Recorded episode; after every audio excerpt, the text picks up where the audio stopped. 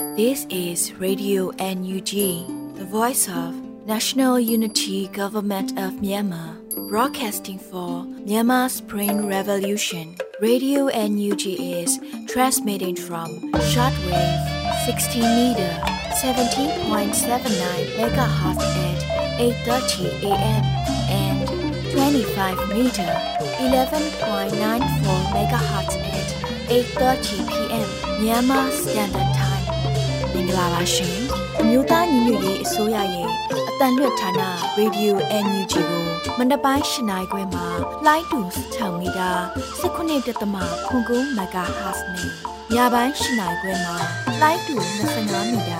17.6ကိုလီမဂါဟတ်စ်တို့မှာဓာတ်ရိုက်ဖမ်းယူနားဆင်နိုင်ပါပြီရှင်မင်္ဂလာအပေါင်းနဲ့ကြည့်ကြကြပါစို့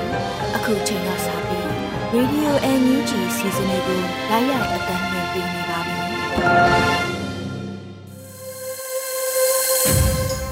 မြန်မာနိုင်ငံသူနိုင်ငံသားအပေါင်းတဘာဝပေးစစ်အာဏာရှင်ဘေးတို့ကနေကင်းဝေးပြီးကိုစိတ်နှပါကြားမလုံးခြုံပေးကင်းကြပါစေလို့ Radio UNG အဖွဲ့သားများကဆုတောင်းမေတ္တာပို့သလိုက်ပါရရှင်။အခုချိန်ကစပြီး Radio UNG ရဲ့နောက်ဆုံးရသတင်းချင်းချုပ်ကိုຫນွေဦးမွန်ကဖတ်ကြားတင်ဆက်ပေးပါမယ်ရှင်။ မင်္ဂလာပါရှင်နောက်ဆုံးရသတင်းများကိုတင်ဆက်ပေးသွားမှာဖြစ်ပါတယ်ခုတင်ဆက်မဲ့သတင်းတွေကိုတော့ Radio Energy သတင်းတောင်ရနေနဲ့ခိုင်လုံတဲ့မိဘသတင်းရင်းမြစ်တွေကအခြေခံတင်ပြထားတာဖြစ်ပါတယ်ကျွန်မနှွေဦးမွန်ပါပင်လုံဂရီကိုဒေတာတီးခဲ့ရင်ခုလိုတိုင်းပြည်ဖျုပ်ဖျဲဖြစ်เสียအကြောင်းမရှိဘူးလို့စီရီယံဘူကြီးထောက်ပြပြောဆိုတဲ့သတင်းကိုဦးစွာတင်ဆက်ပေးပါမယ်ရှင်။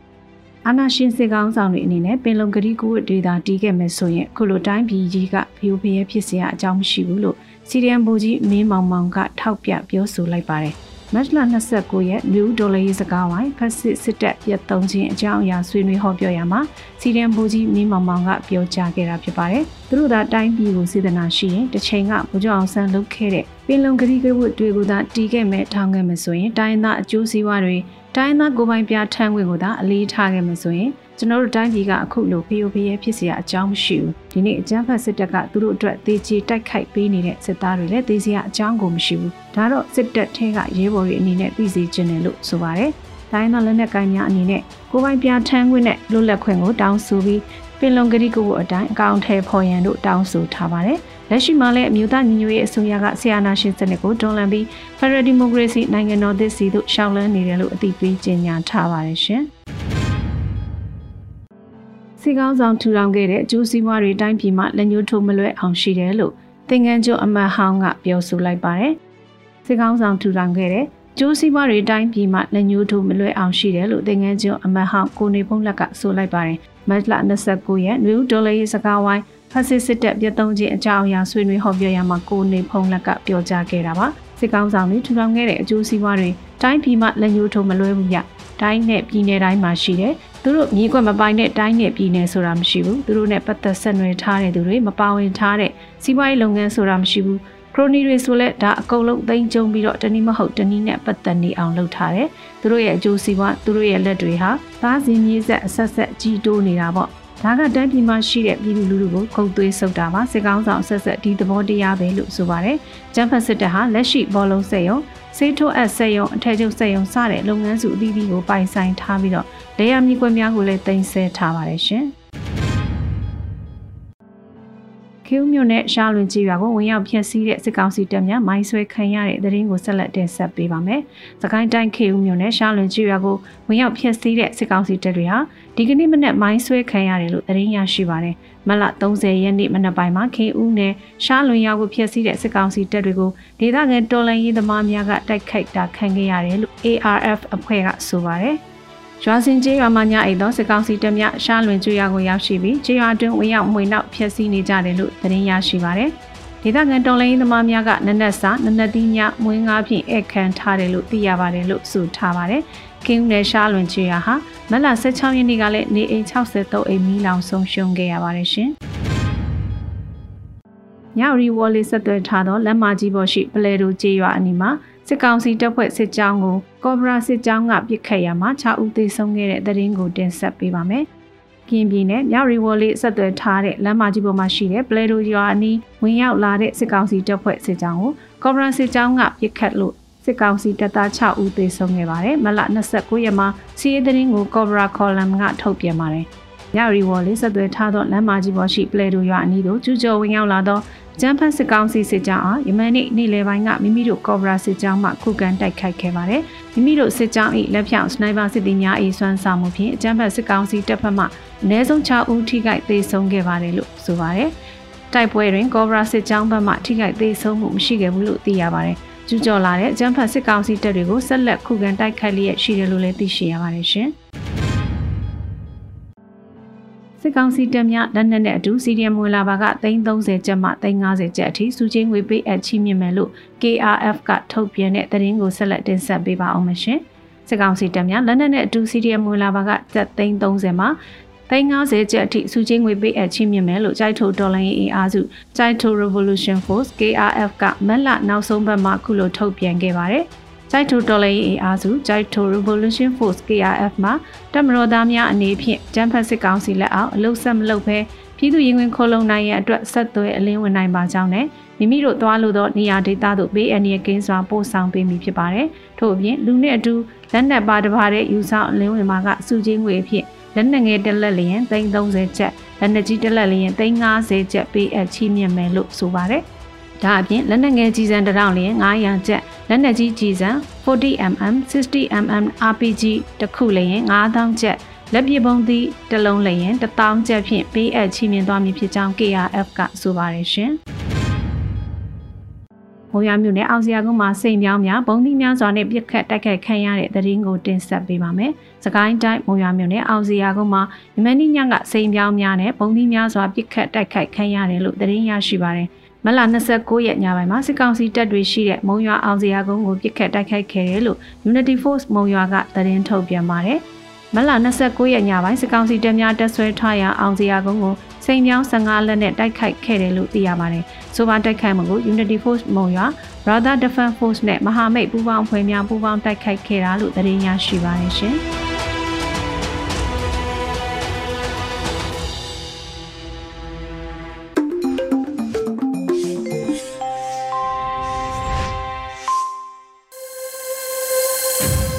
Radio UNG ရဲ့နောက်ဆုံးရသတင်းကိုနားဆင်ကြရတာဖြစ်ပါတယ်။ဆက်လက်ပြီး CDM တဦး၏ဘဝဖြတ်တန်းမှုအပိုင်း15ဒုတိယပိုင်းကိုလွေဦးရွှေဝါကတင်ဆက်ပေးမှာဖြစ်ပါတယ်ရှင်။ ဟုတ်ကဲ့ CDN ဝန်ထမ်းတိုင်းရလေဒီကြားထဲမှာအခက်အခဲတွေနဲ့ကြုံတွေ့ရတယ်ပေါ့အဲ့လိုကြုံတွေ့ရတဲ့အခါမှာဆီယမအနေနဲ့ဒီအခက်အခဲတွေကိုကြုံရတဲ့အခါမှာယုံုံပေါ့ပြန်တက်ချင်တဲ့စိတ်ရောရှိလားယုံပြန်ပြီးတော့တက်ဖို့အတွက်ပေါ့နော်ဒီလိုစိတ်ကူးတွေရောဖြစ်ခဲ့တာရှိလားရှင်အဲ့ဒီအကြောင်းလေးနဲ့ပတ်သက်ပြီးတော့လည်းဆက်ပြီးပြောပြပေးပါအောင်ရှင်ကျမကအဲ့လိုအခက်အခဲတွေအများကြီးရှိပြီမဲ့လို့ရုံးပြန်တက်ဖို့လည်းလုံးဝစိတ်ကူးမရှိဘူးအာနာရှင်စနစ်ကိုဒူးထောက်ဖို့လည်းစိတ်ကူးမရှိဘူး ဒီအာနာရှင်စနစ်ကိုအမြင့်ပြတ်တော်လှန်မဲ့သူတယောက်လို့ပဲကျမကိုကျမခံယူထားတယ်ကျမတို့ကအာနာရှင်စနစ်ဆိုတာဒီလူတွေကိုအကြောက်တရားနဲ့အုပ်ချုပ်တယ်အဲ့ဒီစနစ်အောက်မှာပဲအရာအလုံးဟာဒုထောက်နေရတယ်ဆိုတာမျိုးသိရှိထားတဲ့အတွက်ကြောင့်ကျမဒီအာနာရှင် လက်အောက်ကိုလုံးဝမသွားဘူးအဲ့တော့ဘလို့အခက်အခဲပဲကြုံကြုံ CDM ပဲဆက်လုပ်မယ်ဒီကျမတို့ရဲ့အရေးတော်ပုံအောင်တဲ့အထိကျမကဆက်သွားမယ်ဟုတ်ကဲ့ဆရာမတို့ဒီ CDM ဝန်ထမ်းတွေအတွက်ဆိုလို့ရှိရင်လေဒီထောက်ပံ့ပေးတာတွေနဲ့ပတ်သက်ပြီးတော့ထောက်ပံ့ရခဲ့တာတွေရောရှိလားဒီလိုအနေအထားနဲ့ပတ်သက်ပြီးတော့လည်းရှိတယ်ဆိုရင်လည်းပြောပြပေးပါအောင်အကူကြီးအထောက်ပံ့တွေဆိုတဲ့အခါမှာတော်လန်ကြီးကလည်းတဖြည်းဖြည်းနဲ့အရှင်ရလာတာနဲ့အမျှ ကျမတို့ပြည်သူတွေကတော်လန်ကြီးထဲမှာလည်းသူတို့ကအင်အားစိုက်ဖို့လိုတယ်အဲစစ်ပေးရှောင်တွေကိုလည်းကူညီပေးဖို့ကလိုတယ်သူတို့ရဲ့စာဝတ်နေရေးတွေကလည်းကြက်တဲတယ်အဲ့တော့ CDM လီဘတ်မှာသူတို့ကထောက်ပံ့နိုင်စွမ်းအားတွေလျှော့လာတယ်ဒါကကျမတို့ CDM လီအတွက်တော့အလုံးဝနေစရာကောင်းပါတယ်ကျမတို့ပြည်သူကျမအပြစ်မတင်ပါဘူးအဲ့တော့ကျမအနေနဲ့ကကြတော့ဒေသနာ project တွေလုပ်နိုင်တဲ့အင်အားရှိတယ် online education လေးတွေသင်ဖို့အတွက်ကျမတို့ရဲအကြောင်းသူအကြောင်းသားများက class လေးတွေဖန်တီးပေးပြီးတော့မှကျမတို့အငွေကြီးထောက်ပံ့တာရှိတယ်အဲ့ဒီအတွက်ကြောင့်မလို့တော့ကျမအဆင်ပြေပါတယ်ဟုတ်ကဲ့ဒီ CDM ဝန်ထမ်းတဦးအနေနဲ့ပေါ့နော် CDM တယောက်အနေနဲ့တောင်းဆိုမှုတွေရခဲ့မယ်တောင်းဆိုမှုတောင်းဆိုခွင့်ရှိတယ်ဆိုလို့ရှိရင်ဆရာမဘယ်လိုတောင်းဆိုခြင်းလဲရှင် ကျမတို့ CDN ပညာရေးဝန်ထမ်းတူကအလုံးများပါတယ်เนาะကျမတို့ NUG ကကြော်ညာထားတာ CDN ဝန်ထမ်း၄သိန်းကျော်ရှိတယ်လို့ကြော်ညာထားတယ်เนาะအဲ့ဒီမှာမှပညာရေးဝန်ထမ်းကအများဆုံးဖြစ်ပါတယ်အဲ့တော့ကျမတို့ပညာရေးဝန်ထမ်းတွေဒီငကိုအစကတည်းကလာစာနေတဲ့သူတွေဖြစ်ပါတယ်တာဝန်နေတကူတဲ့အတွက်သာအဆင်ပြေတယ်မိသားစုရှိတဲ့သူဆိုအဆင်မပြေဘူးကျမကြီးမကောင်းရင်အဆင်မပြေဘူးအိမ်နာအိမ်ပိုင်အိမ်ယာမရှိတဲ့သူဆိုအဆင်မပြေဘူးဆိုတဲ့ ဝန်ထမ်းတွေဖြစ်ပါတယ်အခုလိုမျိုး CDM လုပ်လိုက်တဲ့အခါမှာလာစာလည်းမဲ့သွားတယ်အိမ်ယာလည်းမဲ့သွားတယ်ဆိုတဲ့အခါမှာဝန်ထမ်းတွေကအရန်ခက်ခဲပါတယ်ကျမတို့ CDM တွေက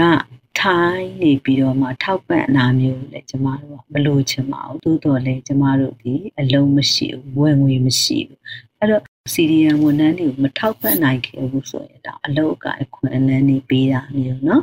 နေစရာအားရန်ပေးတာမျိုးကူညီပေးတာမျိုးတွေလုပ်ဖို့ကျမတို့ကမျှော်လင့်နေပြီးတော့ကျမတို့ဟိုပညာရေးဝန်ထမ်းများသည်ပညာရေးကိုဒီဇိုင်းမမတ်လုပ်နေတဲ့သူဖြစ်တယ်မိမိရဲ့သက်ဆိုင်တဲ့ဘာသာရပ်မှာကျွမ်းကျင်တက်မြောက်ပြီးသားသူတွေဖြစ်တယ်အဲ့ဒီအတွက် ကျမတို့ရဲ့ပြည်သူလူထုကကျမတို့ပညာရေးဝန်ထမ်းများကိုပညာသင်ခိုင်းတာမျိုးလုပ်ပေးကြဖို့ကျမအနေနဲ့တောင်းဆိုချင်တယ်။ပြုဝတ်စွာနဲ့เนาะ CDM ဝန်ထမ်းတွေကိုအလုပ်ပေးတာတွေစာသင်ခိုင်းတာမျိုးတွေလုပ်တယ်ပါတယ်။ကျမတို့ကသင်ပေးခွင့်ပေးပါဒီလိုမျိုးဂျားကာလာမှာစာသင်ခွင့်မရတဲ့ကလေးတွေကိုကျမတို့ကသင်ပေးချင်ပါတယ်เนาะအဲ့တော့ဟိုပြည်သူလူထုအနေနဲ့ကိုဘေးပတ်ဝန်းကျင်မှာရှိနေတဲ့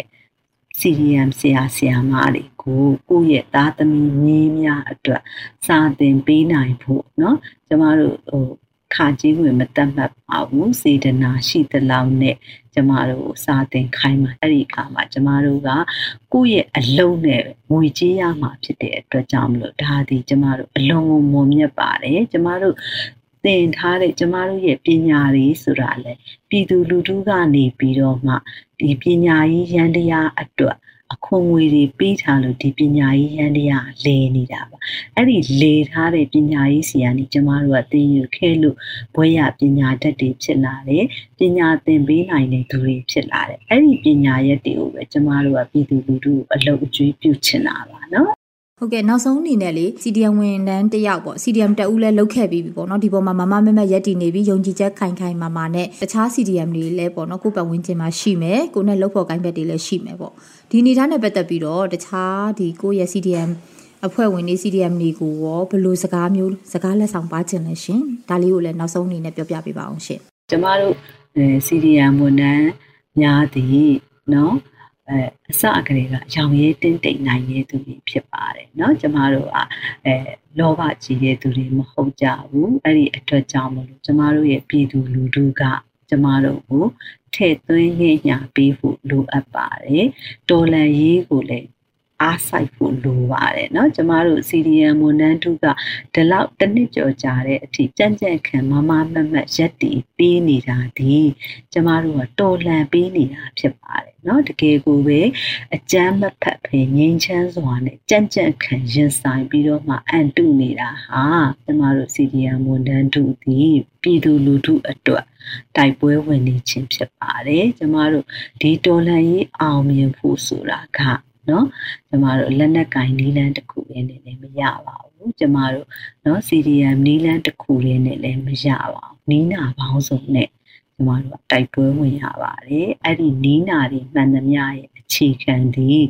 စစ်အုပ်စုရဲ့အုပ်ချုပ်ရေးရန်တရားပြိုးပြတ်သွားဖို့အတွက်စစ်အုပ်စုရဲ့အမိတ်ဟူသည်များဖီဆန်ခြင်းကသာလေ တော်လန်ရေးကိုအနိုင်ယူရမှာဖြစ်ပါတယ်အဲ့တော့ကျမတို့အမိတ်ဟူသမျှဖီဆန်ပေးနေတဲ့သူတွေအားလုံးနဲ့ပြည်သူလူထုကြီးကအတူတူရပ်တည်ပေးပါအမိတ်ဟူသမျှဖီဆန်နေတဲ့သူတွေထဲမှာမမမမမရက်နိုင်တဲ့အထောက်အပံ့လိုနေတဲ့သူတွေကိုလေထောက်ပံ့ပေးပါအဲ့ဒီထောက်ပံ့ပေးရတဲ့ဝန်ထမ်းတို့တွေလေထောက်ပံ့ပေးနေတဲ့သူတွေကိုကိုစားပြုပေးမယ်ဆိုတာသိချပါတယ်เนาะကျမတို့တက်ဆွမ်းထားတဲ့ပ ညာရက်တွေနဲ့ကျမတို့ရဲ့ပြည်သူလူထုကိုကျမတို့ကအလုပ်အကျွေးပြုချင်ပါတယ်ကျမတို့ချစ်တဲ့နိုင်ငံတော်ကြီးကိုအာနာရှင်အောက်က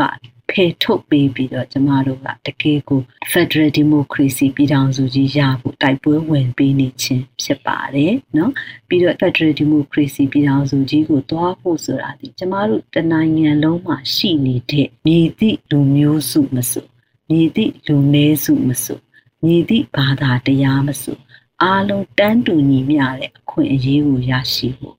အားလုံးငြိမ်းချမ်းစွာနဲ့ဖွံ့ဖြိုးတိုးတက်အောင်တည်ဆောက်ကြဖို့ကျမတို့ကအာဏာရှင်စနစ်ကိုတော်လှန်နေခြင်းဖြစ်ပါတယ်။ဒါကြောင့်ကျမတို့အတူတူလက်တွဲပြီးတော့မှလက်နက်နဲ့ရိုင်းဆိုင်စွာပြည်သူလူထုညှဉ်းပန်းနှိပ်စက်နေတဲ့ဒီဖက်စစ်ကြမ်းဖက်စစ်တပ်ကြီးကိုကျမတို့ ဖြိုချနိုင်အောင်ကြိုးစားကြပါစို့လို့ပြောရင်ညီကုန်းချုပ်ပါတယ်။ဟုတ်ကဲ့အခုလူမျိုးပေါ့နော်ဒီတိုင်းပြည်နဲ့လူမျိုးပေါ်မှာတစ္ဆာရှိရှိနဲ့ဓမ္မဘက်ကနေပြီးတော့မမမမရက်တီပြီး CDM တိုက်ပွဲဝင်နေတဲ့ဆရာမကိုကျမတို့လေးစားဂုဏ်ပြုရင်းနဲ့ဒီအစီအစဉ်လေးကိုနှုတ်ဆက်ပါရစေရှင်ကျေးဇူးတင်ပါတယ်ရှင်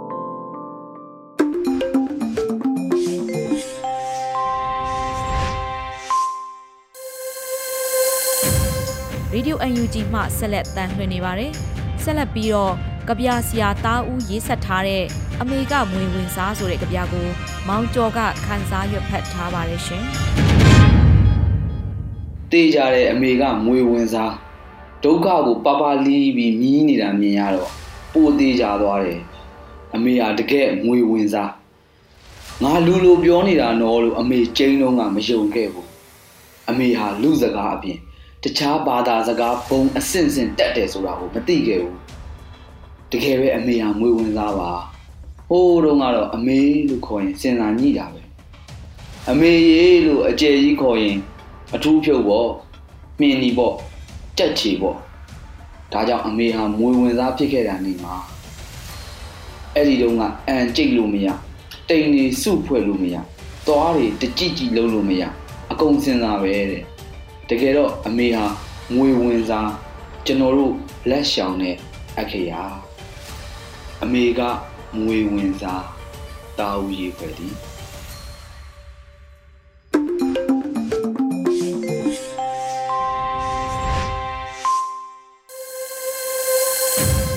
ရေဒီယို UNG မှဆက်လက်တန်လှည့်နေပါတယ်။ယခုဆက်လက်နားဆင်ရမှာကတော့အဲရီတင်ဆက်ထားတဲ့ဖက်ဆက်များနဲ့ဈေးဆက်ကြမလား အဆုံးထိတိုက်ပွဲလားအမိကမိုးမခဆောင်းပါဖြစ်ပါတယ်ရှင်။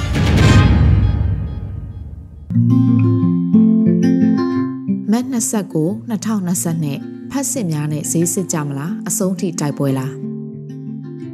နယူးဒေါ်လာရေးကာလတစ်နှစ်နှစ်လနီးပါးရောက်လာပါပြီစေအုပ်စုရဲ့ NCA လမ်းကြောင်းဘက်ကနေလှုပ်ရှားမှုတွေအထက်မှာခြေခံဥပဒေပြင်ဆင်မှုအတွက်နိုင်ငံရေးပါတီအစုအဖွဲ့တွေကိုအစည်းအဝေးလုပ်ဖို့ဖိတ်ခေါ်တဲ့သတင်းထွက်လာပါတယ်။ သတင်းတွေထဲမှာဖော်ပြထားတာကဒီလိုပါ။စစ်အုပ်စုရဲ့ NCA အလုပ်အဖွဲ့တွေကငြိမ်းချမ်းရေးဆွေးနွေးမှုပူးတွဲကော်မတီ UPDJC ရဲ့အခြေခံဥပဒေပြင်ဆင်ရေးဆွေးနွေးပွဲပြုလုပ်မယ်ဆိုပြီးနိုင်ငံရေးပါတီ62ပါတီကို UPDJC နိုင်ငံရေးပါတီအစုအဖွဲ့ကနေဖိတ်စာမတ်လ28ရက်ရက်စွဲနဲ့ထုတ်ပြန်လိုက်ပါတယ်။မတ်လ30ရက်နေ့မှာ Zoom meeting လုပ်မယ်လို့သူတို့ထုတ်ပြန်တဲ့အစာအရသိရပါတယ်။ထုတ်ပြန်သူကတော့နိုင်ငံရေးပါတီအစုအဖွဲ့၏ဒုတိယဥက္ကဋ္ဌကိုစားချိုချိုကျော်ငင်းကလက်မှတ်ထိုးထားပါတယ်။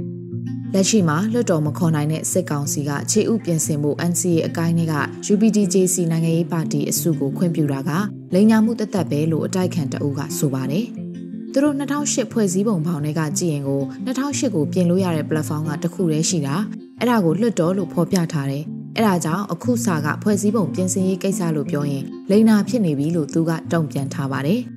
သတင်းသမားတွေသုံးသပ်တာကတော့စစ်အုပ်စုနဲ့ဆက်ဆံရေးအဆင်ပြေတဲ့နိုင်ငံရေးအစုအဖွဲ့တွေတိုင်းသားလက်နက်ကိုင်အစုအဖွဲ့တွေပါဝင်တဲ့ NCA လုပ်ငန်းစဉ်တွေကနေအခုလိုခြေလန်းနေလှမ်းလာခြင်းဟာ CRPH, NUG,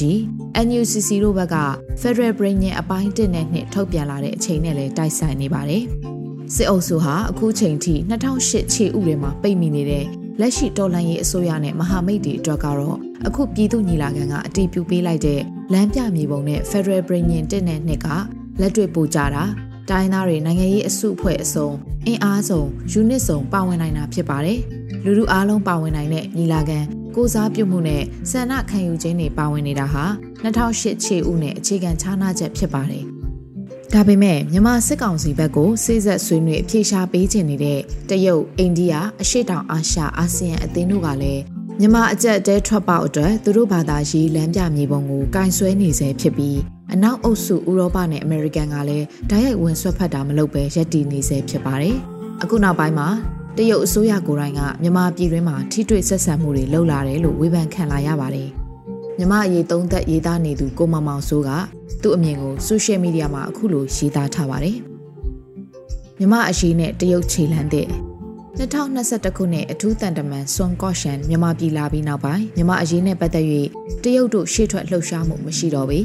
အာဆီယံ၏နောက်ကွယ်၌သာနေသည်ကိုတွေ့ရသည်2022ခုနှစ်ရုရှားယူကရိန်းစစ်ပွဲဖြစ်ပြီးသည့်နောက်ပိုင်းဖြစ်သည့်2022ခုနှစ်မတ်လအတွင်း၌တရုတ်တို့မြန်မာအရေးနှင့်ပတ်သက်၍ရှေ့ပြန်ထွက်လာသည်ပြန်လှုပ်လာသည်ကိုတွေ့ရသည် မြန်မာနိုင်ငံဆိုင်ရာတရုတ်တန်အမတ်ကတွဲဆုံဆွေးနွေးလမ်းကြောင်းကိုရက်ခံနေသည့်ပြည်သူ့ပါတီမှဥက္ကုကိုကြီးနှင့်တွဲဆုံဆွေးနွေးသည်ကိုတွေ့ရသည်။နာဆာကနိုင်ငံသားရေးဝန်ကြီးကိုမလကုံတွင်တရုတ်နိုင်ငံသို့ဖိတ်ကြားသည်ကိုတွေ့ရသည်။ထွက်ပေါက်ပိတ်နေသောမြမအရေးနှင့်ပတ်သက်ပြီးအချိန်ကာလကြာမြင့်သွားမိကိုစိုးရိမ်ပြီးတရုတ်တို့စိတ်နှဲနှဲလောပြီးလောသို့မဟုတ်ရုရှားယူကရိန်းစစ်ပွဲကြောင့်ဖြစ်ပေါ်လာသည့်အခင်းကျင်းအသစ်များကြောင့်လောသို့မဟုတ်အာဆီယံအနေနှင့်အပြေရှားရန်မဖြစ်နိုင်တော့၏လော သို့မဟုတ်ထိုအချက်အားလုံးစုံကြလာခြင်းကြောင့်လောဆိုသည်ကိုတော့မသေးကွယ်သေးပြီသို့တော်လည်းမြမအရေးနှင့်ပတ်သက်၍တနစ်နီးပါးခန့်ငြိမ်သက်နေပြီးတတိကြီးစွာထား၍ချင်းကပ်နေသည့်တရုတ်တို့ခြေလန်းတစ်တစ်ခုစတင်လိုက်ပြီဟုဆိုလျင်မှားမြည်တော့မထင်ပါလို့သူကရေးသားထားပါတယ်ပြည်တွင်းစစ်အရှိန်မြင့်တက်နေပြီး PDF တွေအင်အားကောင်းခုခံစစ်ပြင်းထန်တဲ့နေရာတွေစစ်မျက်နှာစုံရင်ဆိုင်နေရချိန်မှာစစ်ကောင်စီဘက်ကကြားခံအင်အားတွေထုတ်သုံးပြီး နိုင်ငံရေးအရှိန်ကိုအားရော့ကြအောင်လုပ်နေတဲ့ထုံစံဖြစ်ပါတယ်။ဂျားကန်အင်အားတွေဆိုတာကသူတို့ကိုမလွန်ဆန်နိုင်တဲ့အကျိုးစီးပွားချင်းတူညီကြတဲ့နိုင်ငံရေးပါတီ၊မီဒီယာ၊စာပေအမှုပညာတိုင်းရင်းသားအစုအဖွဲ့တွေကိုအသုံးချပြီးအာယုန်တွေထွေပြားအောင်လုပ်တာမျိုးဖြစ်ပါတယ်။အဲ့ဒါလိုအချိန်မျိုးမှာစစ်ဆက်ဆွေးနွေးအပြေရှားရေးတို့ compromise ဈေးရော်ရေးဈေးစစ်ခံပေးရေးတွေကအတန်တွေကျဲလောင်လာတတ်ပါတယ်။ယူကရိန်းမှာစီးရေးအရအဆုံးရှုံးတွေများပြားလာတဲ့ ကျူးကျော်သူရုရှားကအခုချိန်မှာတွစ်ဆုံဆွေးနွေးအပြေရှားရေးကိုတူရကီနိုင်ငံကြားခံပြီးဆောင်ရွက်လာတာတွေ့ရပါတယ်။စိတ်ဆက်ကြရမှာရုရှားလိုလားတဲ့နေမြေတွေယူကရိန်းလက်အောက်ကလွတ်မြောက်ဖို့ခရိုင်းမီးယားတိုက်ရိုက်ကုန်းလန်းချောင်းပွင့်ဖို့ကုန်းမြေတွေကိုရုရှားကိုပေးအပ်ဖို့ဒါတွေရှေ့တန်းတင်လာတယ်လို့ဆိုပါတယ်။ဒါဆိုရင်ရုရှားကစစ်ရှင်ရော့မယ်လို့ဆိုပါတယ်။နောက်တစ်ဆင့်သဘောတူကြရင်ငင်းချမ်းရေးစာချုပ်ချုပ်ကြမယ်တဲ့။ယူကရိန်းခေါင်းဆောင်ကတော့နောက်တစ်ခါစစ်မဖြစ်ဖို့အာမခံဖို့အကာအကွယ်ပေးကြဖို့ နျူကလ িয়ার ကင်းစင်တဲ့နိုင်ငံဂျာနေနိုင်ငံအဖြစ်ရပ်တည်သွားဖို့စတဲ့အချက်တွေတောင်းဆိုမယ်လို့ဆိုပါတယ်။တေချာတော့မဆုံးဖြတ်ကြသေးပါဘူး။တမိုင်းမှာကတော့ဟစ်တလာကအိန္ဒိချင်းနိုင်ငံငယ်တွေတိန်းတော့ကျန်နိုင်ငံကြီးတွေကလက်ပိုက်ကြည့်နေခဲ့ကြဘူးပါတယ်။နောက်ဆုံးဟစ်တလာကဥရောပတစ်ခုလုံးကနေရုရှားအာဖရိကအထိနယ်ချဲ့စစ်ချေဆန်တော့မှကမ္ဘာစစ်ဖြစ်ပြီးစက်သိမ်းကြရတဲ့တမိုင်းအစဉ်လာရှိခဲ့ပါတယ်။ အခုကတော့စစ်ကိုရှောင်ကျင်တဲ့အနောက်အုပ်စုအရင်ရှင်နိုင်ငံတွေနဲ့တခြားနိုင်ငံတွေကဂျားနေတဲ့အဖြစ်ကိုပဲရွေးကြလေမလားမသိပါငါတို့တသက်စစ်မဖြစ်ရင်ပြီးရောနောက်မျိုးဆက်ကြမှာကဘာပြက်ချင်ပြက်ပါစီလို့မျက်နှာလွှဲနေကြလေသလားမသိပါမြမຫນွေဦးတော်လှန်ရေးကတော့အစကတည်းကကြွေးကြော်တန်က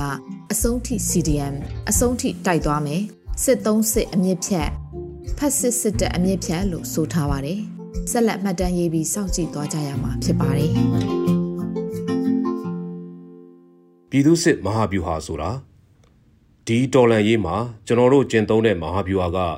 ပြည်သူစစ်မဟာဗျူဟာပဲဖြစ်တယ်။ပြည်သူစစ်မဟာဗျူဟာဆိုတာကတော့အကြမ်းဖက်အဓမ္မဝါဒီစစ်အုပ်စုကိုလဲနေလေအောင်မြင်းဆောင်မကြံပြည်သူလူထုအားလုံးရဲ့ထောက်ခံပါဝင်မှုနဲ့အတူနိုင်ငံရေးနီလန်စစ်ရေးနီလန်စိတ်သက်စစ်စင်ရေးနီလန်လူထုတိုက်ပွဲနီလန်စသဖြင့်နီလန်ဘောင်းစုံ ပုံစံဘောင်းစုံကိုအသုံးပြုပြီး တွန်းလှန်ဖြိုပြက်တိုက်ခိုက်တဲ့မဟာဗျူဟာဖြစ်တယ်။ NUG ကာကွယ်ဝန်ကြီးဌာန၏ပြည်သူ့ခုခံတွန်းလှန်စစ်6လပြည့်အစီရင်ခံစာမှကောက်နှုတ်ချက်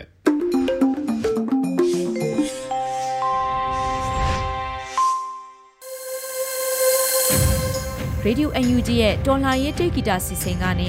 ပြည်ထောင်စုတစ်နနဲ့ခင်းဆိုတဲ့ဒေသချင်းကိုနားဆင်ရပါမယ်ရှင်။တင်းရေးဆရာမြသိန်းတန်းရေးဆက်ထားတာဖြစ်ပြီး 86 RIT စင်ကာပူဖွဲ့မှတည်ဆိုထားပါတယ်ရှင်။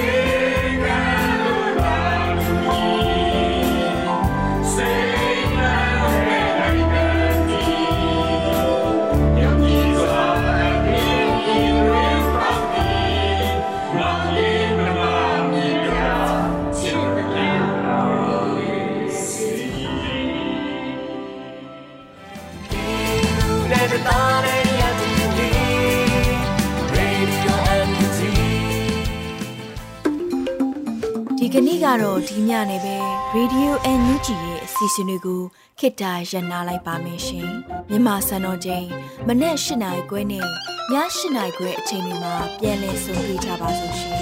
Radio NUG ကိုမနေ့ပိုင်း၈နိုင်ခွဲမှာလိုင်းတူ16မီတာ19တက်တမခုကူမဂါဟတ်နဲ့ညပိုင်း၈နိုင်ခွဲမှာလိုင်းတူ25မီတာ17တက်တမ6မဂါဟတ်တို့မှာဓာတ်ရိုက်ဖမ်းယူနားဆင်နိုင်ပါပြီရှင် မြန်မာနိုင်ငံသူနိုင်ငံသားများကိုစိတ်နှဖျားစမ်းမချမ်းသာလို့ဘေးကင်းလုံခြုံကြပါစေလို့ Radio NUG ရဲ့ဖွဲ့သူဖွဲ့သားများက